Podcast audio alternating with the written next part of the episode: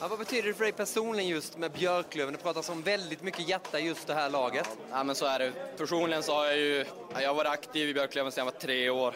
Ett, jag var borta ett år nere i Småland, annars har jag varit och spelat i Björklöven sedan jag var tre. Jag har själv stått i den där klacken på, på de här, de här derbyna mot Skellefteå, de här, de här matcherna som har varit de gången tidigare. Vi har gått upp mot, eh, gick upp i elitserien mot Södertälje, mot Timrå. Och ja, få, få vara med om det här nu, få, alltså de är värda så jävla mycket mer. Alla, alla som har krigat i den här, i den här klubben och jag vet inte, jag, jag är tom på något sätt. Det är helt fantastiskt.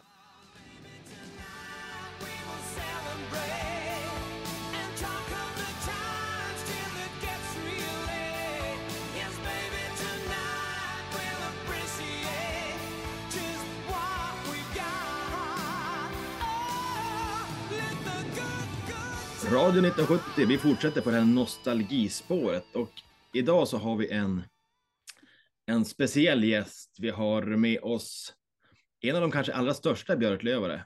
Eh, han var med under alla säsongerna i division 1, från förlusten mot Kovland, uttåget mot Olofström till att sen få leda lagret eh, i kvalserien som tog oss tillbaka till Hockeyallsvenskan och sen etablera oss där. Så att eh, jag säger varmt välkommen till en riktig gröngul hjälte. Linus Boström, välkommen till podden. Tack så mycket. Tack. Kul att vara med. Härligt. Hur är läget med dig idag? Jo, tack. Eh, mycket fint, man säga. Eh, det ska bli kul att få prata lite hockey och lite gamla minnen och så där. Så där, det ser jag fram emot. Härligt. Men du, om vi börjar i slutet höll jag på att säga. Du avslutade din karriär säsongen 17-18 i den härliga ligan Ligue Magnus i Frankrike. Mm. Eh, hur var det avslutet att, att åka ner dit och, och eh, sätta punkt för hockeyn? Eh, jo, men, nej, men det, det var kul. Det var eh, väldigt annorlunda på, på många sätt och så. Men för min del så hade jag väl någonstans alltid tänkt att jag skulle vilja använda hockeyn som verktyg och komma iväg och se någonting annat och, och eh, ja, men både, både sportsligt men även lite kulturellt och liksom, ja, få, få lite nya, eh, ja, se någonting annat helt enkelt. Ja. Eh, och ja, som det blev så öppnade det upp sig en möjlighet som var, ja, det passade väldigt bra i mitt, i mitt liv just då också. Så att jag, jag är glad att jag åkte iväg. Ja, men då hamnade du nere i Frankrike, i Strasbourg. Eh, yeah. Alltså hur är det? Har de ishallar i Frankrike? Hur, hur går det till?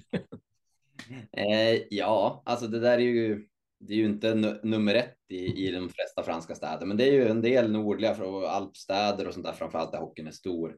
Eh, men sen ja, li lite varierande eh, och så. Eh, men en del fina hallar, en del, ja, Nice stack väl ut framför allt där de, där de har, det är som ett växthus på taket av en simhall. Där det liksom, står du i powerplay där, då, då har du utsikt över liksom de här bergen, typiska Rivieran, eh, väldigt speciellt. Så, men, ja, det låter som en ovanlig hockeymiljö, miljö, kanske inte riktigt eh, Huskvarna men ett annat typ av växthus då. Mm, Exakt. Eh, och väldigt så här, ja men nivån hockey, hockeymässigt så var det ofta, men det var 10-11 importer eller sånt där man fick ha och mm. ofta så var det två toppkedjor som höll, ja men allsvensk klass, mer eller mindre lite, lite, en del kanske ganska hög allsvensk klass, en del lite lägre och sen så kunde det vara eh, bottom six spelare som kanske höll division 2 eller 3. Ja. Så, så det var speciellt på det sättet. Men alltså går det att leva på det där sättet? Eh, alltså kan man leva på hockeyn i, i Frankrike som import? Eh, absolut, jo, det gör, det gör alla eh, som är där. Eh, en del kan nog tjäna ganska så fina pengar också. Eh, men eh, ja, absolut. Det... det låter som en härlig tillvaro om man liksom inte har målet att vinna eller gå upp eller ja, den typen av ambitioner med karriären. Ja, men lite som hockeyn är helt, som sagt, den är, den är ändå helt okej. Okay. Eh, sen var det, det gick ju eh, under första eller andra året när jag var där som de hade gått från att spela en gång i veckan och det var kanske 20 mellan 20 och 30 matcher till att närma oss formatet som vi har i Sverige med upp mot 50 matcher. Eh, och det var väl på ett sätt kanske lite problematiskt för att man hade inte riktigt infrastrukturen och resor och annat att mm kunde, när det är tre matcher i veckan och man satt, man låg på nattbuss mellan liksom över hela Frankrike och eh, det var det var rätt tufft eh, när det blir så också. Eh, som importspelare spelar väldigt mycket och så sen kunde du ha natten dit på buss och så natten hem på buss och så match igen och så.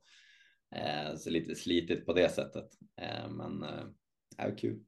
Ja, men det förstår jag. Häftig erfarenhet. Eh, men efter den säsongen, då la du skridskorna på hyllan och eh, vad har du gjort sedan dess? Jag tänker vi, vi Björklöven-fans har ju inte sett dig lika mycket. Nej, precis. Eh, jag blev, jag blev klar, egentligen så blev jag klar lärare året innan eh, jag åkte dit. Eh, det var väl lite, vi kanske återkommer till det när vi pratar om min, min sista sväng med, med Björklöven också, men, mm. men jag gjorde klart min, min lärarutbildning då, så jag jobbar som gymnasielärare här på Minerva gymnasium här i stan. Undervisar i psykologi och eh, idrott har jag. Ja, men härligt. Eh, trivs du bra med det? Ja, det får man säga. Det, är kul det är eh, ja, men givande, eh, spännande att jobba med gymnasieelever som är men mellan 16 och 19, det är rolig ålder och eh, ja, men väldigt välfungerande skola också, så det är kul, och, det är kul att jobba där tycker jag. Ja, men härligt. Du nämnde tidigare här att, att din sambo var ute med erat, eran ettåring, så jag tänker att det har också blivit en, en, förändring i livet. Hur har det blivit att uh, bli förälder? Eh, jo, nej, men det är ju eh, otroligt eh, fantastiskt på många sätt jobbigt och ja, allt det där som, som kommer med det. Eh, så det. Men nu är vi igång. Nu han är inne på förskolan. Han har nyss blivit 15 månader och ja, vi är som igång med pusslet. Det känns som att vi, vi alla trivs ganska bra med att eh, han tycker det är toppen på förskolan och vi får längta lite efter varann och man får lite annan stimulans också. Så det känns som att vi, vi är på en ganska bra plats med det just nu. Ja, det låter härligt. Jag vet hur det är. Nu är mina småbarnsår över, men det är verkligen en speciell tid få sömnen att funka, de ska käka och de ska vara nöjda och så ska man själv överleva. Mitt ja. Känslan är väl att just nu har det övergått från att bara jag menar, hålla, hålla han levande till att det är liksom givande på ett annat sätt. Så det tycker jag är jättekul. Ja, det är verkligen en härlig tid och speciell. Men du, vi, vi tassar lite grann kring, kring karriären och började i slutet här. Jag tänker nu ska vi spola tillbaka ända till början och eh, försöka ta oss igenom det här eh, höjdpunkterna som som vi kanske alla vet vad det är för någonting då Björklöven avancerar tillbaka till Hockeyallsvenskan. Men eh, du är ju en Björklövare om man kollar på Elite Prospect, eh, en ordentlig lövare, har, ha, ha spelat i föreningen genom hela juniortiden upp i A-laget. Hur var det att eh, växa upp här i Umeå och eh, ta den vägen uppåt? Eh, ja, men speciellt för mig. Jag har, jag varit aktiv i Björklöven sedan jag var tre år. Började mm. stappla med, med stora brorsans lag lite på sidan där när han började. Eh, och sen har jag liksom, jag menar, mina föräldrar har varit intresserade så vi har gått på matcherna sen. Jag har fortfarande lite så att de, ja, men min pappa och några på gatan kallar mig för Bullen fortfarande för att jag kunde sluta prata om Bullen Hägglund när jag var på min, liksom, mina första matcher och så. Så jag har ju haft det, haft det med mig genom hela livet. Man har varit och sett på matcherna och, liksom, och att ja, sen ta steget upp och också få, få vara en del av representation, representationslaget har ju varit ja, väldigt stort för mig. Eh, från början kanske det var lite för stort för liksom rent prestationsmässigt att det varit lite. Eh, ja, man är där för att bidra sportsligt. Det är liksom inte, eh, inte, men det är speciellt när man kommer från från den bakgrunden. Ja, men jag tänker när du kom upp här. Björklöven har laget i, i J20 Superelit som det hette då och du hade några ganska vassa generationer framför. Jag tänker 87 med Rahimi, Hellström, Nevalainen eh, Sundström och eh, kanske Palmebjörk innan det. Hur var det att eh, växa upp och spela i den miljön med de typerna av talanger runt omkring dig? Eh, alltså för min, för min del så är det ju framförallt så är jag jämnårig med Kristoffer Berglund. Mm. Eh, han väl den som verkligen satte nivån för oss att liksom från tidig ålder att det är liksom okej, okay, eh, jag ska bli hockeyspelare och det här är jag är beredd att göra vad som krävs och, mm. Eh, det var ju så att dels alltså mycket genom honom, men sen, eh, sen vart det väl senare i juniortiden också att få vara eh, träna och spela runt de här, eh, framförallt 87-kullen som du beskriver, som verkligen hade liksom triggade varandra och hade liksom med kanske Alexander Sundström i, i spetsen som verkligen liksom tävlade och det var eh, så det var ju äh, det var kul till framförallt i, i, i superlit första året vi gick upp där i, i superelit så hade vi ett jättelag när vi var 80, det var 86, 86, 87 och så var vi, var vi en, eh, ja men några 88 och, och även Alexander Eriksson 80, 89 då som var mm. topprankade i landet som var verkligen, det, hade, det, det var ett sånt år där vi hade kunnat vinna, vunnit superelit. Eh, med liksom, vi hade, det hade vi lag för. Eh, men vart, jag fick ett jättehög med skador i, i slutspelet och så åkte vi till slut ut med tror jag 2-1 i matchen mot Luleå med Linus Omark och, och det gänget. Just det. Okay. Det var lite Ja.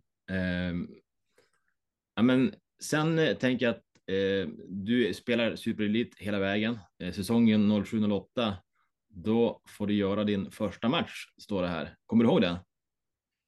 Eh, alltså framförallt, jag är ju med tror jag någon på bänken den, under den säsongen, men jag spelar, jag tror knappt, jag tror inte ens att jag spelade i, som jag minns det, ingen, ingen liksom större, det var ju lite grann så den tiden var vi ju, alltså jag hade ju, det var inte, det var inte många som fick chansen, även om jag Nej. hade jättebra år i Superelit. Vi hade andra spelare som var liksom eh, gjorde jättebra ifrån sig i Superelit, men som inte liksom aldrig ens fick en träning med eh, med A-laget och så. Sen blev det här. Vet jag inte om det blev rätt år, men året efter när jag verkligen alltså klev in och skrev kontakt och var, var med så att säga. Då, ja.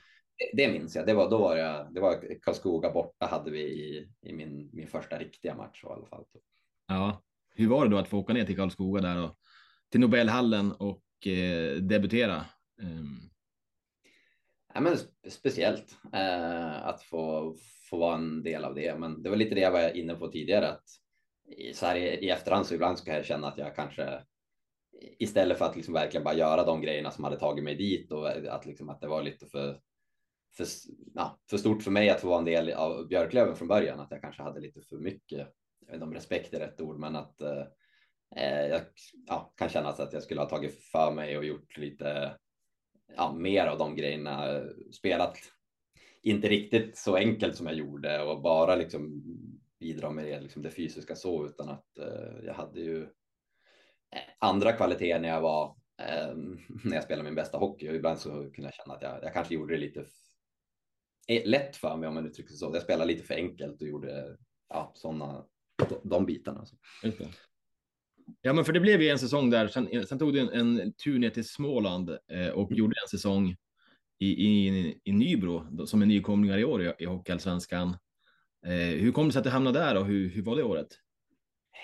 Ja, eh, hur hamnade jag där? Det var, jag hade en agent som hjälpte mig med, med det där och det var ett, ja, men ett alternativ som, eh, som dök upp som kändes intressant. Eh, något, ett lag som verkligen satsade uppåt och så. Eh, jag fick bilden av att det var, ja men det fanns ett stort intresse och hockeykultur mm. och så där och det, det var ju något som verkligen bekräftades också. Det är ju ett riktigt, eh, ja men riktigt, riktigt hockeykultur där, så det är ju, det är, hockeyn är, är nummer ett och det är också roligt den, alltså division 1 där nere, då hade vi ju dels så Tingsryd, eh, det är ett så riktigt infekterat derby, det är nästan Björklöven. Och klass på det. Ja.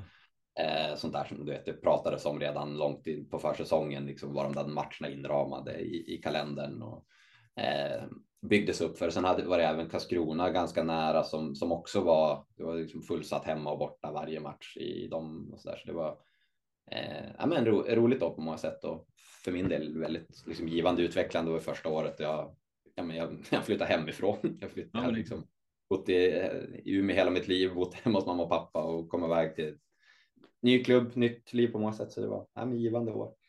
Mm.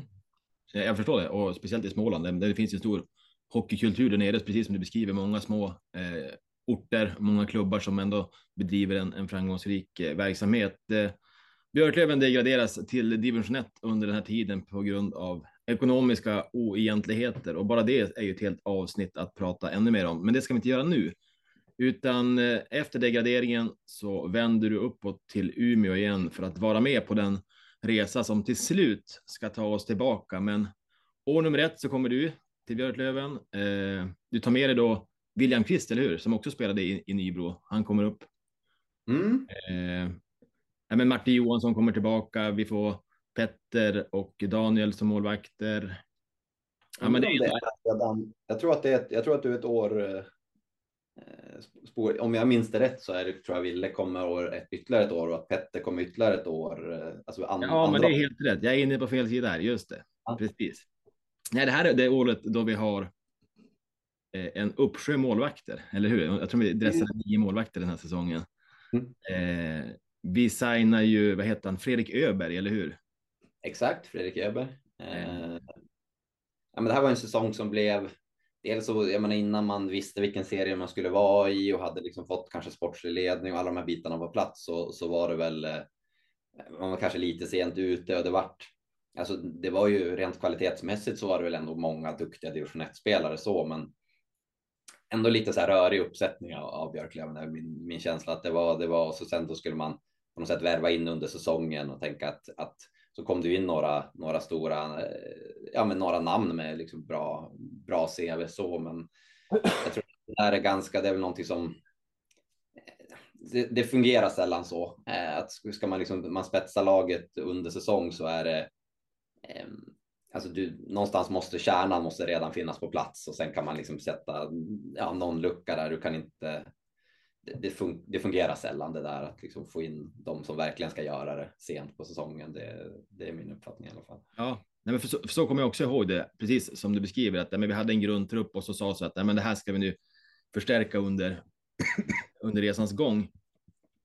Det blev ju inte riktigt eh, på det viset, utan vi, vi åkte ut eh, i playoff det året. Det var mot Asplöven som vi rök eh, första säsongen.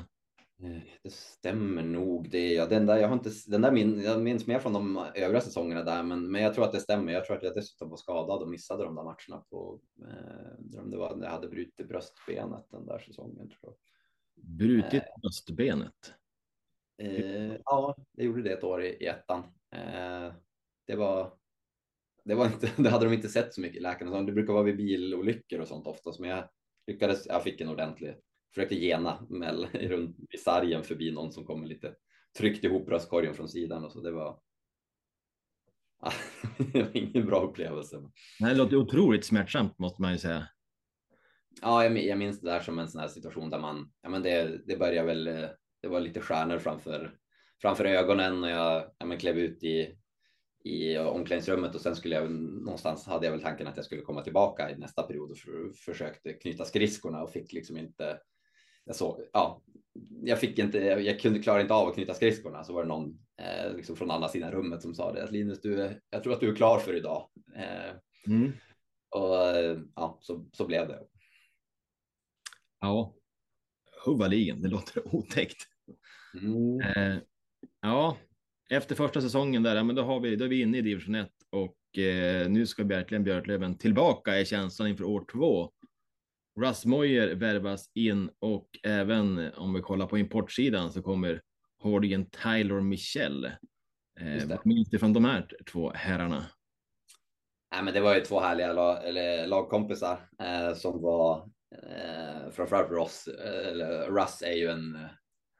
Eh, jag tror att han beskrev sig själv som spelare någon gång som I'm a great guy in the locker room och det var han verkligen. Det var en sån här extrem stämningshöjare som verkligen så älskade hockey liksom, med varenda fiber i kroppen. Och, så det var en verkligen en så härlig lagkompis. Eh, Tyler bidrog, var ju också en riktig hockey, hockeynörd och liksom verkligen eh, bidrog på sitt sätt också. Så, så det var eh, två profiler får man säga. Jag tänker under den här säsongen så börjar ju också det lag formas som sedermera ska ta oss tillbaka. Eh, Jon Palmebjörk eh, kommer tillbaka. Eh, ja, men vi har på Carl-Johan Lundström, Oskar Molin på backen. Eh, Martin Johansson är med. Mm. Rasmus har kommit in som du säger. Men den här säsongen går ju inte som vi vill utan, utan eh, även den här säsongen tar ju slut för tidigt. Eh, hur var känslan där inför, inför eh, playoff-matcherna som skulle spelas? Och eh, men det här, här tycker jag, om jag var inne på att vi, det var lite, lite rörig upplaga kanske av Björklöven mm. året innan. Så här kändes det som att det fanns var mer liksom genomtänkt. Man hade satt en bra kärna, liksom en bra gruppdynamik, bra liksom ledartyper av den här liksom mer hemvävda lokala kärnan eh, var ju tydligare här. Eh, mm. Många av de som du räknar upp också. Ehm, så där var ju, jag menar, vi, det hade ju sett bra ut och vi hade, hade ju en, en bra känsla. Eh, det är ju liksom Olofström är ju ett lag som vi ska som vi ska slå. Eh, och det är också ett lag som vi, jag menar, vi vinner bort första borta matchen och sen så är de ju knappt i vår zon under ett par matcher, men, men alltså bästa av tre matcher och med den pressen som ändå fanns och man, man börjar få någon studs emot sig så då går det fort. Eh, och det var väl, ja, det var väl det som hände. Vad, tror du att det var lite för långt fram i tanken efter första matchen att det här kommer gå eller, eller var det just att man skulle hem och liksom knyta ihop säcken som var för svårt? Jag tror inte att vi var för långt fram, inte, det är inte min upplevelse i alla fall, utan det är nog mer det där att ja, när det väl börjar studsa någon, någon puck emot också och så tror jag att det kanske ja, vi börjar hålla lite hårt i, i klubban och att det var liksom eh, eh, Eh, ja, mer i, i, situationen så. Det är ju alltså hockey. Det är så, så, så dåligt lag var inte Olofström att, att det liksom eh, vi inte, det är inte, det är omöjligt att vi ska förlora mot dem. Men, eh, sen är vi ju, så som jag minns det så är vi ju ändå klart bättre än dem i alla matcher, men, men eh, vi, vi får inte in pucken och Eh, kanske sak, delvis saknade lite av den där sista spetsen i, i den här truppen, eh, möjligen också. Mm. Efter vi åkte ur så ställer du upp på en, en väldigt eh, känslosam intervju med Mikael Kastman efteråt. Eh, jag tänker det var, måste vara otroligt tungt att kliva ut där efteråt. Eh, vi ska lyssna lite grann på, på hur, hur det lät där. Så är med Linus Boström efter att Björklund har åkt ut i playoff 2 med, efter 0-2 mot Olofström. Vad kan vi säga om den matchen? Ja, vi gör, vi gör inte mål på våra chanser och eh, de gör två mål på två halvchanser. Vi, så förlorar vi matchen. Nej, det, säsongen tog slut alldeles för tidigt. Vad, hur går tankarna nu då? Jag vet inte. Jag ska hem och grina höll jag på att säga, men jag har ingen aning. Det, det känns för jävligt just nu bara. Mm. Men eh, du har kontrakt nästa säsong också med Björklund, eller hur? Ja. Så att det är bara att ta nya tag även om det känns tungt just nu förstås. Så är det. Ja, jag tackar för att du ställde upp på intervjun här Linus. Tack.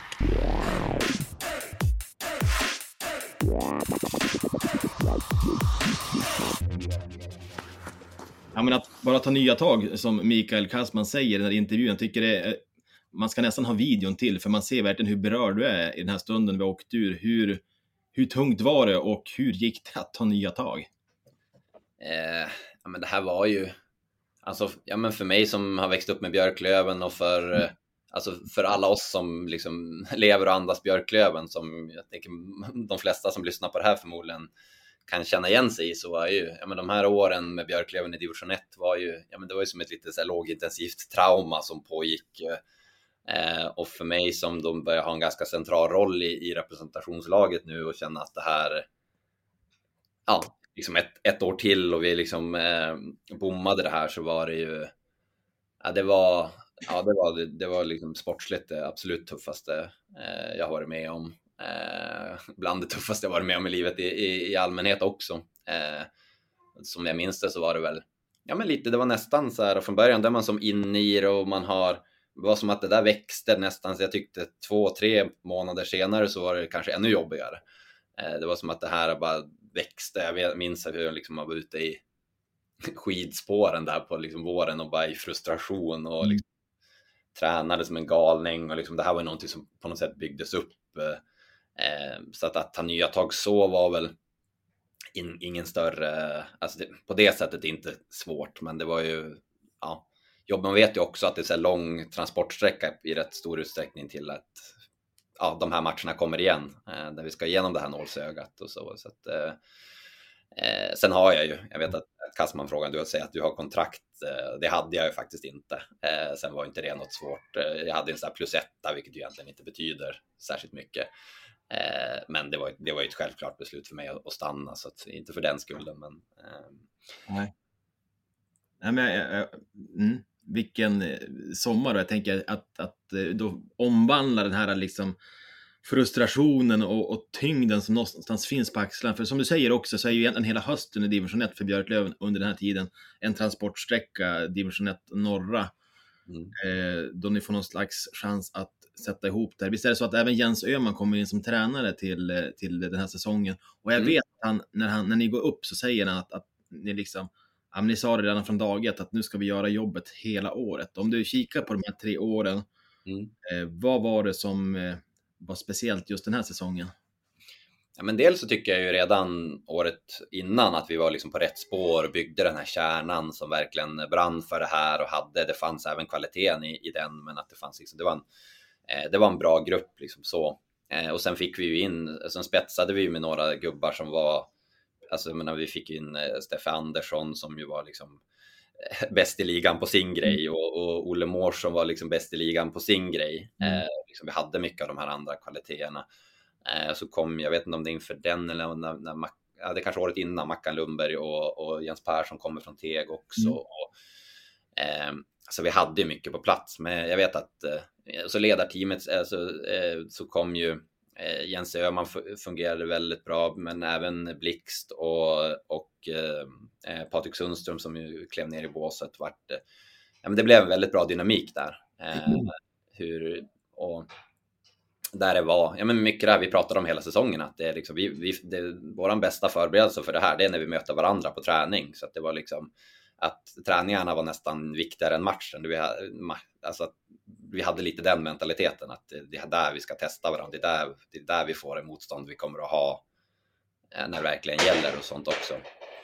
Eh, och det tycker jag vi, ja, men vi, vi levde efter i väldigt stor utsträckning. Eh, ja, Ja, nej men för att jag satt och mässade med en kompis om, inför den här intervjun och vi kom att prata om den säsongen och så att ett sånt lag fyllt med så mycket björklövare, det kommer vi aldrig att få uppleva igen, liksom både med den kopplingen som många av spelarna i laget också hade en generation eller två bak i, Mm. liksom i våran historia och med SM-guld och så vidare. Eh, hur gav sig de här Lövenhjärtarna uttryck under säsongen?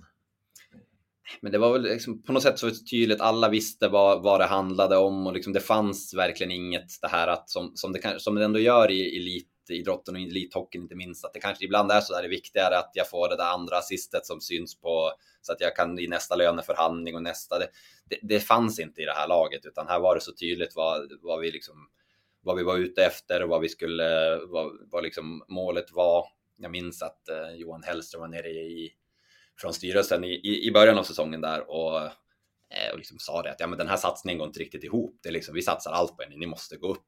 Eh, var väl ganska ordagrant vad han, vad han sa. Eh, och det är någonstans så, jag vet inte om det gav någon mer press för att den, vi visste, alltså, ja, jag vet inte om pressen kunde bli så mycket större än vad vi, än vad, den som redan kom inifrån för, för att vi var så många som förstod vad det här innebar för, ja, men för Björklöven och för Umeå i förlängningen också. Så det var, eh, och det tyckte jag vi, liksom, vi levde efter hela, hela säsongen. Och sen när vi får in jag menar, eh, Acke och Sundström under säsongen också som är liksom med de karaktärerna så, som det är ju två spelare som verkligen är sådär att om man du ska gå in i någonting, du ska verkligen gå, gå in i skarpt läge så är det ju kanske två, kanske de två första jag skriver ner på min laguppställning av alla jag har spelat med. Liksom det, det, det är liksom eh, så att den, det tror jag också gav liksom en boost för oss eh, på det sättet, förutom liksom deras sportsliga kvalitet. Nej, eh, och de steppar ju verkligen upp också under säsongen och speciellt då det ska eh, då det drar ihop sig till kvalserien. Men om du tänker, nu pratar jag egentligen med fel person, för att Mm. det gör även du. Alltså den kvalserie som du gör är ju helt otrolig och jag tänker att eh, nu ska, jag skulle önska att du ville lyfta fram dig själv lite grann här nu. Jag tänker att du är så ödmjuk så att du pratar så mycket om lagkamraterna, men, men vilken otrolig kvalserie du gör. Vad är det som gör att du tar fram det spelet där och då?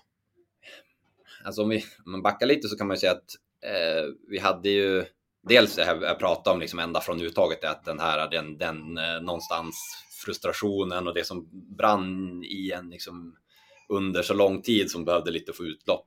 Sen blir det ju, jag menar när säsongen börjar så är jag ju, eh, alltså säsongen innan så är jag ju, eh, alltså jag, jag vinner interna poängligan och spelar liksom väldigt mycket powerplay och sånt. Den här säsongen så så spelar jag ju inte powerplay när säsongen börjar och egentligen gör inte det större delen av. Eh, och det är ju, och det är klart att eh, det vill, det vill särskilt när du har haft en sån säsong offensivt säsongen innan, det, det vill man göra. Eh, men här var det liksom, fanns en väldigt bra kommunikation här.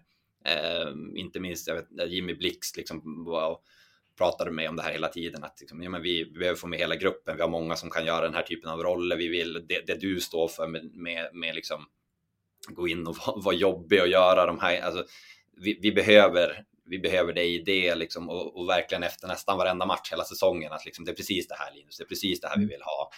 Eh, I kombination med liksom, att vi hade eh, ja, men det här högre syftet, verkligen det, det målet som gjorde att jag, jag men ändå accepterade det. Eh, och, men sen då när det liksom började dra ihop sig och så, så då fick jag ju dessutom, då fick jag ju dels liksom den typen av roll. Då spelade jag ju liksom i, eh, ja men spelade jag första powerplay och hade de här, den, den typen av, av uppgifter också. Så att, eh, det gjorde väl, det gör ju också att man liksom någonstans höjde sig där på slutet. Men, men mycket var ju att, jag menar, eh, jag hade, det här hade ju, gått, det hade ju grott under flera, flera år och det var någonting som verkligen, så jag tror den där, den där äh, jag minns den här Olofströmsmatchen framförallt i, i playoff, liksom att vi, att vi fick dem, eh, att vi fick eh, liksom det där, jag, jag minns det hade liksom gnagt det här eh, friläget jag har året innan. Jag minns att jag träffade Johan Bergmark någon gång senare som sa det att men alltså Boström, taket är ledigt. Vad, vad håller du på med? Lite grann sådär. Eh, och eh, året efter får jag en exakt eh, likadan chans. Eh, jag tänker att ja, Johan.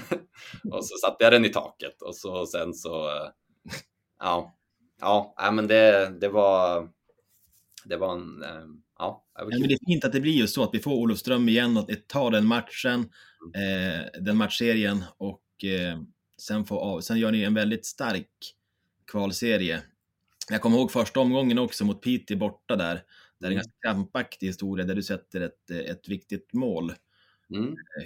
Hur var det där att få inleda den, den kvalserien och eh, det var, ju, det var ju viktigt för oss att få den där första, eh, den där första matchen och var ju, här tycker jag det också blev ganska tydligt att vi har, jag menar den, den grupp vi hade och den liksom bredd vi hade för att vi hade ju, alltså Jon Palmebjörk som är väl vår bästa spelare den här säsongen i, i, i grundserien och är liksom i, i framförallt offensivt, eh, när han går sönder där mot, mot Olofström, att vi liksom ja, men då, då blev det som andra. Då, ja, men Makalumbi Lundberg in och, och, tog hans plats i powerplay och gjorde några viktiga mål för oss. Och i, inte minst i den här matchen så eh, att vi liksom, vi, ja, för det är klart att den, den var ju jobbig. Det var ju alla, alla visste ju hur viktig Jon hade varit för oss under säsongen. Eh, när han gick sönder och var ju, ja, han hittade ju ett sätt att kunna bidra lite grann under, under kvalserien, men han var ju inte den dominanta spelare vi, ja, vi visste att han kunde vara, så att säga. Men att vi, det var andra som steppade upp och det tror jag var vår, vår styrka, att vi hade så många som gjorde avgörande avtryck här. Ja, avgörande avtryck. Eh, sista matchen, Piteå hemma, det är fullsatt och jag tycker det är så talande och väldigt vackert att du får, får göra det där sista målet då man känner att när 3-0 sitter då känns det som nästan färdigt. Eh, går det att beskriva de känslorna, att få hänga in den och känna att nu är det, nu är det nära? Ja, det där var en speciell, en lång dag var det. En, mm. en av de längsta dagarna i, i, i, livet fram till en match. Liksom, sådär, ja. Jag kommer ihåg någon intervju, du säger att du inte äter liksom något på dagen och sådär. Alltså, ja, det är svårt, jätte, och jag, alla som känner mig vet att jag har sällan svårt att äta, men, men, men det var liksom tufft. Eh, och var ju i ärlighetens namn så är jag väl liksom ingen höjdare i den här matchen. Man har ju sett det där, den där sändningen ligger på Youtube, så jag har sett delar av det i efterhand också. Det är ju, eh, men att få, få trycka dit den där pucken och få någonstans så började väl Även då så var det väl ändå inte så att man liksom riktigt vågade känna att det, men, men det är klart att 3-0 en bra bit in i matchen och känslan att nu, det, det här kan nog gå. Eh, för det är ju, ja, då börjar, ja, jag minns framför allt senare i, det, kom, det är ett powerbreak med några minuter kvar, där man liksom, det är väl då man börjar känna att okej, okay, nu, nu, kommer, nu, det här kommer att gå. Ja, vi ska på, på, på, en kort eh, ljudklipp här från precis på slutet och se mm. vad det väcker för, för minnen. Mm. Sista halvminuten av säsongen då. Ja, njut av Umeå Arena och titta på Björklöven-spelarna. Nu är det kravkalas i båset också! Det är sköna glädjescener hos de gröngula Björklöven-spelarna. För vi säger välkomna tillbaka till Hockeyallsvenskan efter 3-0 hemma mot Piteå. Absolut, mycket, mycket välförtjänt. Och vi känner igen bilderna från Örebro, vi känner igen bilderna från Leksand. Ja, där går slutsignalen. Jag ser att du blir ja. berörd av det fortfarande idag. Ja, det där är lite gåshud faktiskt. Det, det, är det. är så mycket känslor som, ja, vi hade ju, ja men just det här som jag beskriver som det här lite lågintensiva traumat under flera år och som liksom accelererade med den här Olofströmsmatchen året innan och eh, med allt det där att när det liksom verkligen får eh, ja, det får släppa här och att vi liksom har fått ta av den där eh, betongryggsäcken någonstans och få och jag tror att det var lite Ja, men det var ju långt ifrån, jag var långt ifrån ensam i hallen som kände så, utan det var nog nästan alla i hallen som kände så. Och, eh, ja, speciellt att få göra det tillsammans med liksom, ja, men dels alla, alla supportrar som, har, som hade alltså verkligen stöttat under de här åren när det var Ja, du, nämnde, du nämnde Kovland här tidigare när vi pratade mm. och liksom, det hade jag nästan glömt. Men, men eh, när det var liksom som allra, allra mörkast eh, runt det sportsliga eh, som ändå var där och stöttade och eh, ja, men hela den här gruppen som liksom där, där all, hela, alla förstod vad det här innebar för, för klubben och att det var som, ja, ah, det är gåshud fortfarande. Det... Vi sätter oss in i omklädningsrummet också och lyssnar lite grann på ett tal som Jens Persson håller här en kort stund efter slutsignalen. Mm. Förvänta inget kort och koncist här grabbar. Nej men, helt jävla fantastiskt. Kriga en hel jävla säsong. Alla här inne har gjort det för jävla bra. Det är inte många matcher som vi inte har gått ut och krigat 60 minuter och vi visste att om vi gör det så kan det räcka långt och få avgöra inför de här här ute va. Fy fan grabbar, så jävla härligt och jag hoppas att så många som möjligt är med på nästa äventyr också. Fyrfaldigt leve för avancemang till Allsvenskan! Hipp hipp! Hurra, hurra, hurra, hurra!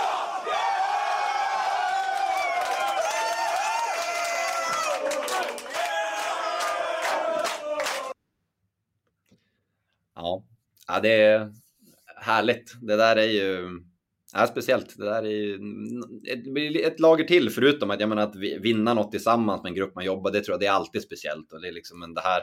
Vi var så många som hade dels en bakgrund tillsammans under många år och som hade som bar på den här ja, betongryggsäcken lite grann under så att ja, speciellt. Eh, liksom väldigt glad och stolt över att få ändå fått vara med och göra eh, ja, men bidragit, gjort lite avtryck i, i Björklövens historia och få vara, jag menar, man har, för oss som har följt Björklöven så, så är det ju men de här minnena som man har från tidigare med liksom, vi gick upp i elitserien mot Timrå och, och mot Södertälje och liksom, ja, det här är ju en, hamnar ju där uppe i liksom den, den kategorin.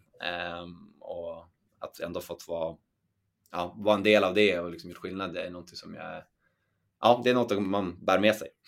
Ja, för man törs ju som du säger här innan att, att man törs nästan inte tänka på vad hade hänt om, om ni inte hade tagit steget det här året. Hur hade det sett ut nästa år liksom i division 1 och vart hade klubben tagit vägen? Eh, vi är många som är väldigt tacksamma för att det gick vägen och för att ni, att ni lyckades den här säsongen och, och eh, att eh, Björklöven nu har etablerat sig i, i Hockeyallsvenskan och står på tröskeln att ta nästa steg. Men jag tänker att vi ska lämna den där härliga säsongen och mm. Eh, kika lite grann på, på de kommande åren här för att det, det blir ett tufft första år i Hockeyallsvenskan för er.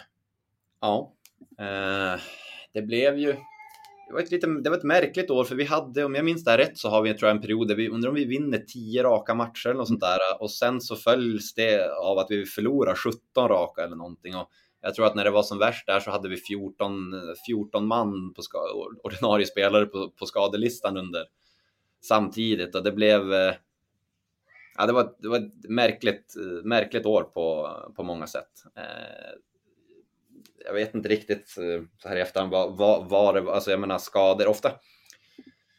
Jag kan liksom inte bara skylla på skador heller, utan det är men, men det, det ofta så en olycka kommer sällan ensam på något sätt. Det är som att det börjar så börjar man förlora och så sen så blev det, det blev som en ond spiral som vi aldrig riktigt lyckades bryta.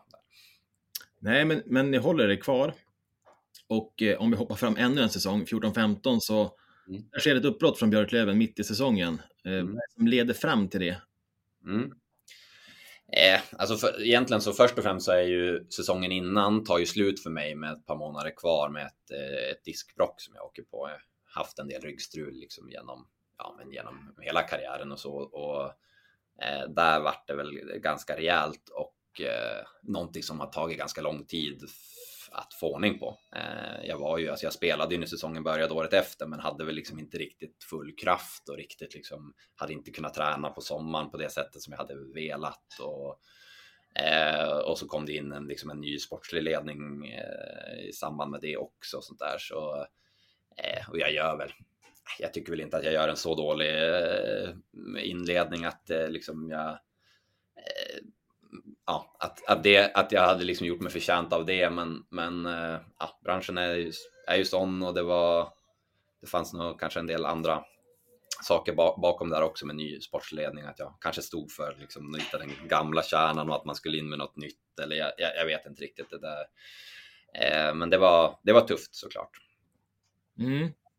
Eh, var det liksom några hard feelings eller var det liksom att, nej men så här är elitidrotten eller var det Jo, nej, men det är klart att för mig var det ju inte, det är inte så där att jag, jag om jag åker och spelar någon annanstans och känner att det inte funkar och så säger då är det liksom, ja men vi hittar en lösning och så bryter man liksom. Det är ju inga konstigheter, men den där typen av eh, uppbrott från liksom Mittbjörklöven och så, det var ju, det var tufft och det var väl kanske inte, det var inte särskilt det var, det var inte skött särskilt snyggt heller, eh, liksom hur det kommunicerades runt det där också. Så det, det, är klart att det var, det var tufft. Det är liksom, ja, men ett uppbrott är liksom som en från en långvarig relation på något sätt.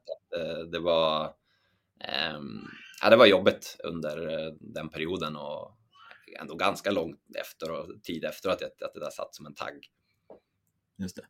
Eh, du hamnade i Västervik. Mm.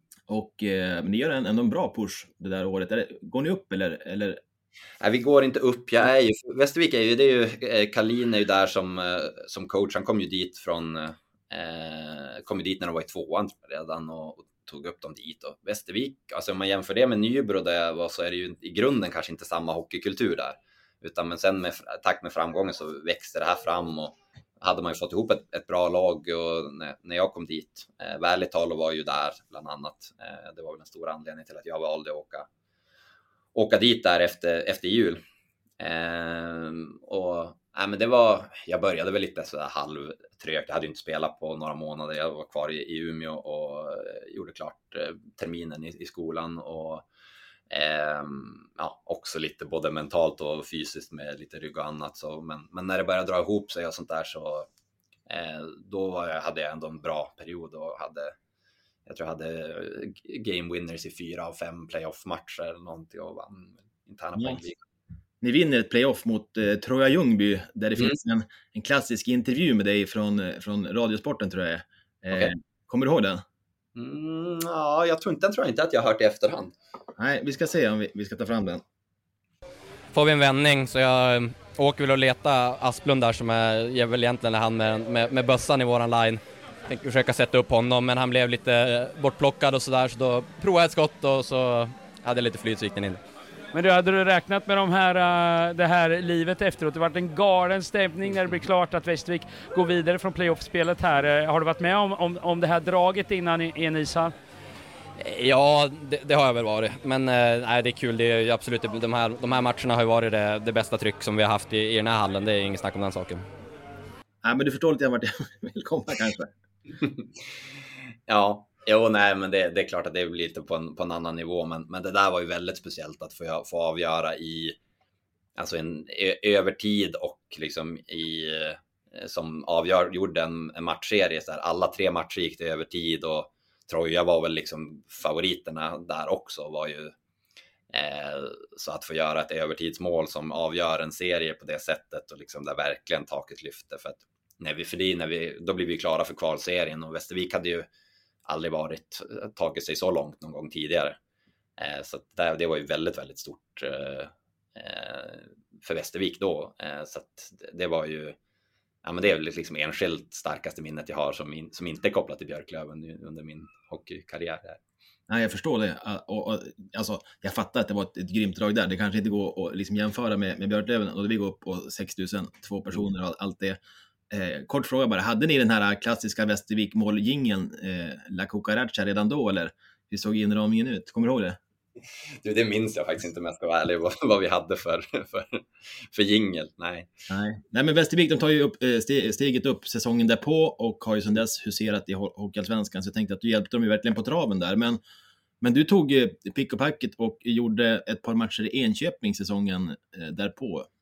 Ja, det var ju en egentligen inte en sportslig grej, utan det var min, min dåvarande flickvän som, eh, som eh, hade flyttat till Västerås eh, ett år innan. Och så det var väl någon form av försök att få, få den här relationen att fungera. Det var väl det var väl rätt korkat i, i, i ärlighetens namn att liksom hoppa på en och jag visste ju att jag inte liksom egentligen hade motivation för att, för att spela ett, något sånt där, ett mittenlag i, i division 1 mm. på det sättet. Liksom, det var inte, eh, så att det där blev ju ganska, det blev ganska kortvarigt. Eh, vi, eh, så jag ja, flyttade hem och flyttade hem efter ett par månader eh, och liksom forts- tanken var att jag skulle kunna fortsätta mina studier där nere. Det kunde jag inte heller göra, så det blev varken sportsligt eller privat så var det någon, blev det särskilt lyckat. Men eh, ja, så var det med det. Mm. Men då, säsongen 16-17, så för liksom, då knyts ändå säcken ihop. Då, då blir det ändå en återkomst i, i Björklöven eh, där du gör ett, eh, ett starkt avtryck. Hur, hur kommer det sig att eh, den återkomsten blev och hur var känslorna inför det?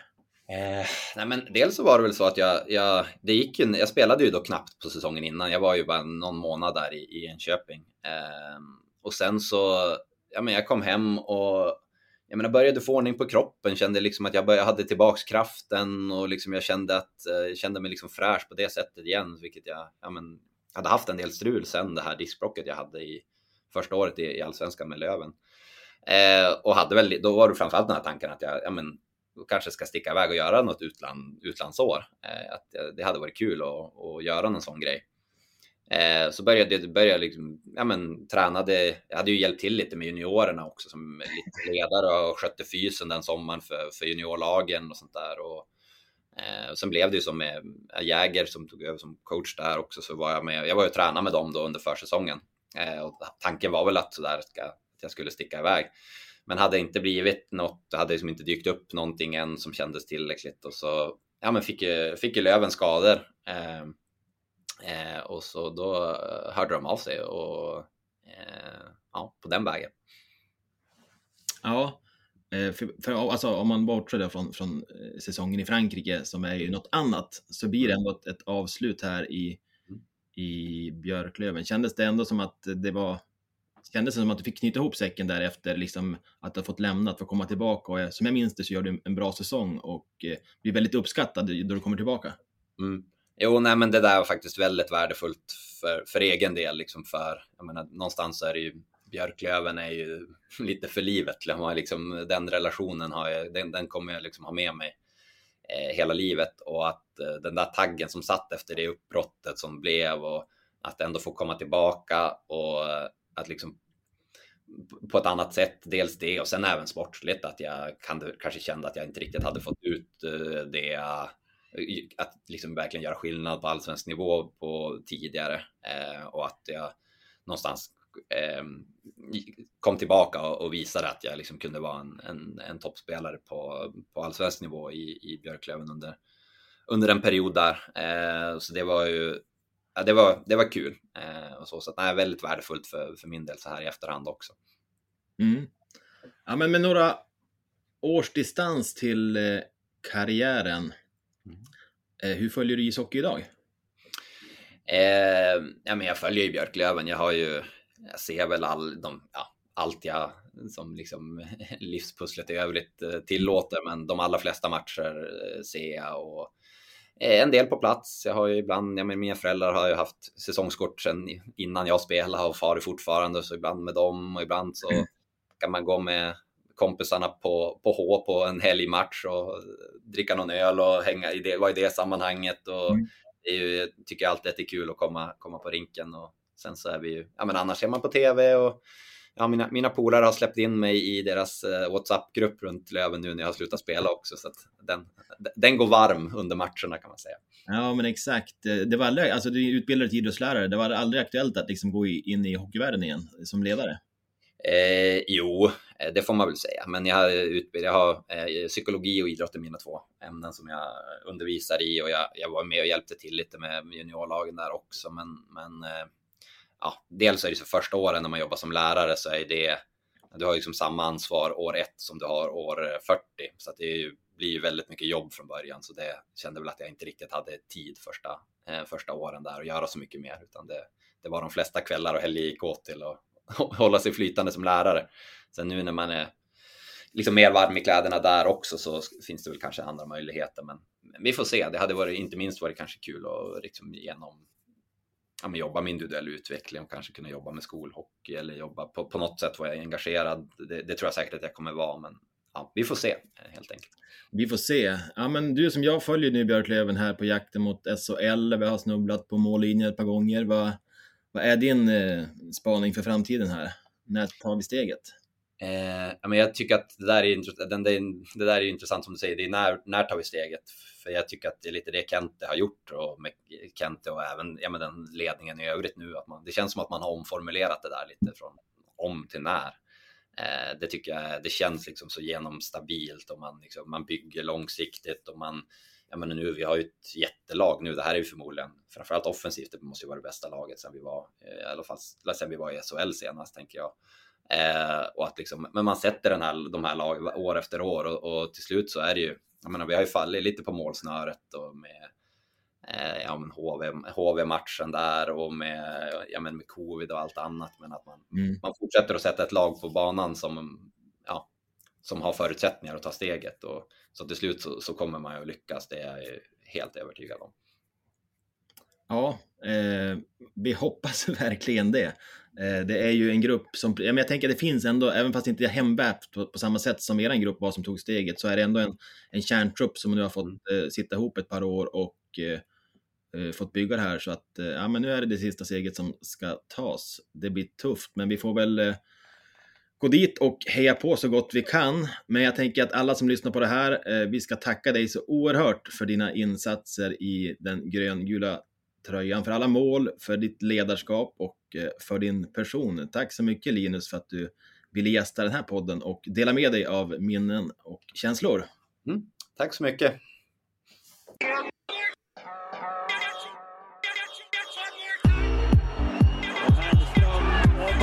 Och